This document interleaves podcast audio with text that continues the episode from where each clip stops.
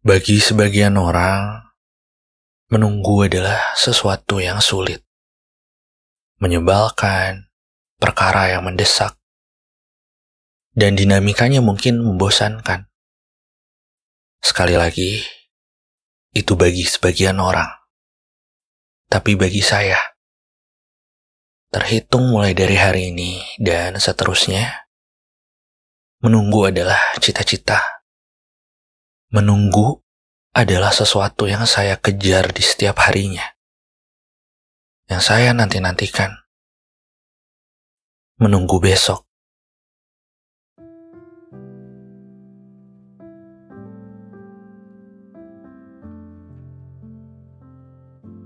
Hari ini saya bertemu lagi dengan orang-orang yang sempat saya kecewakan.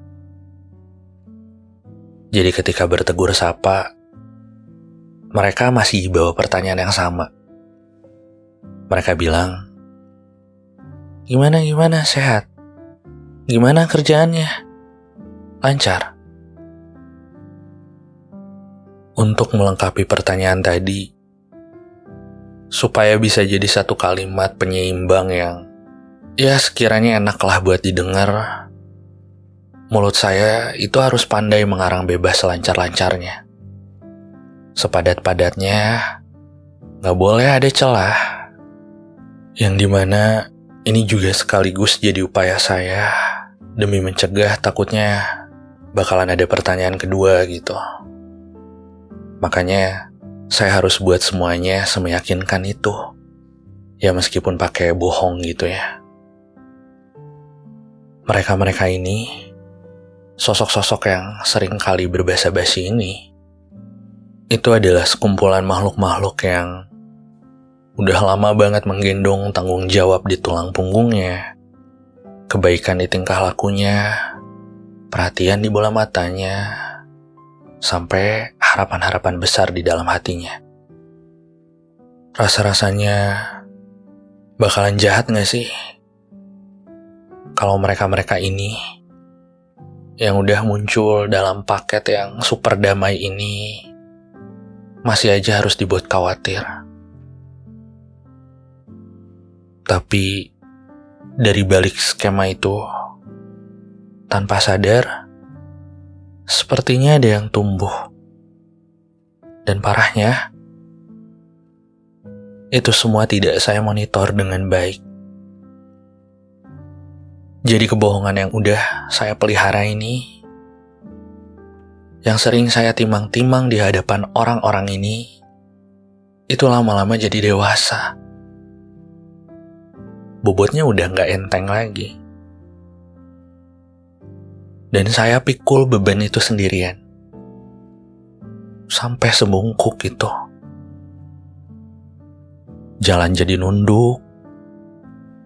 Kayak makin ke sini tuh malu aja gitu kalau harus tatap-tatapan lagi sama mereka-mereka ini.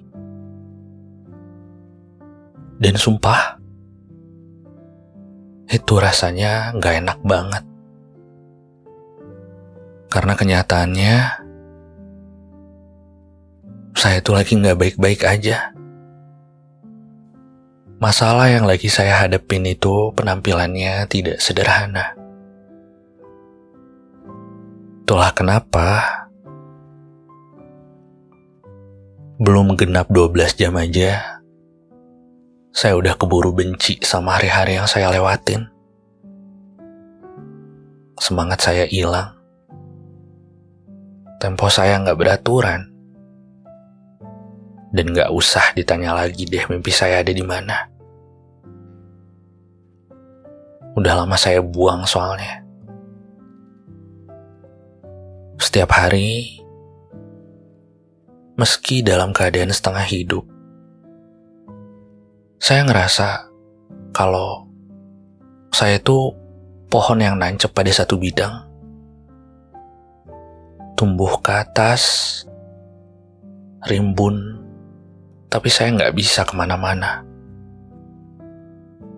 Dari waktu ke waktu, yang cuman bisa saya lihat itu pemandangan dedaunan milik saya yang berjatuhan, berguguran. Jadi sebagai penutup, setiap hari saya benci. Saya benci.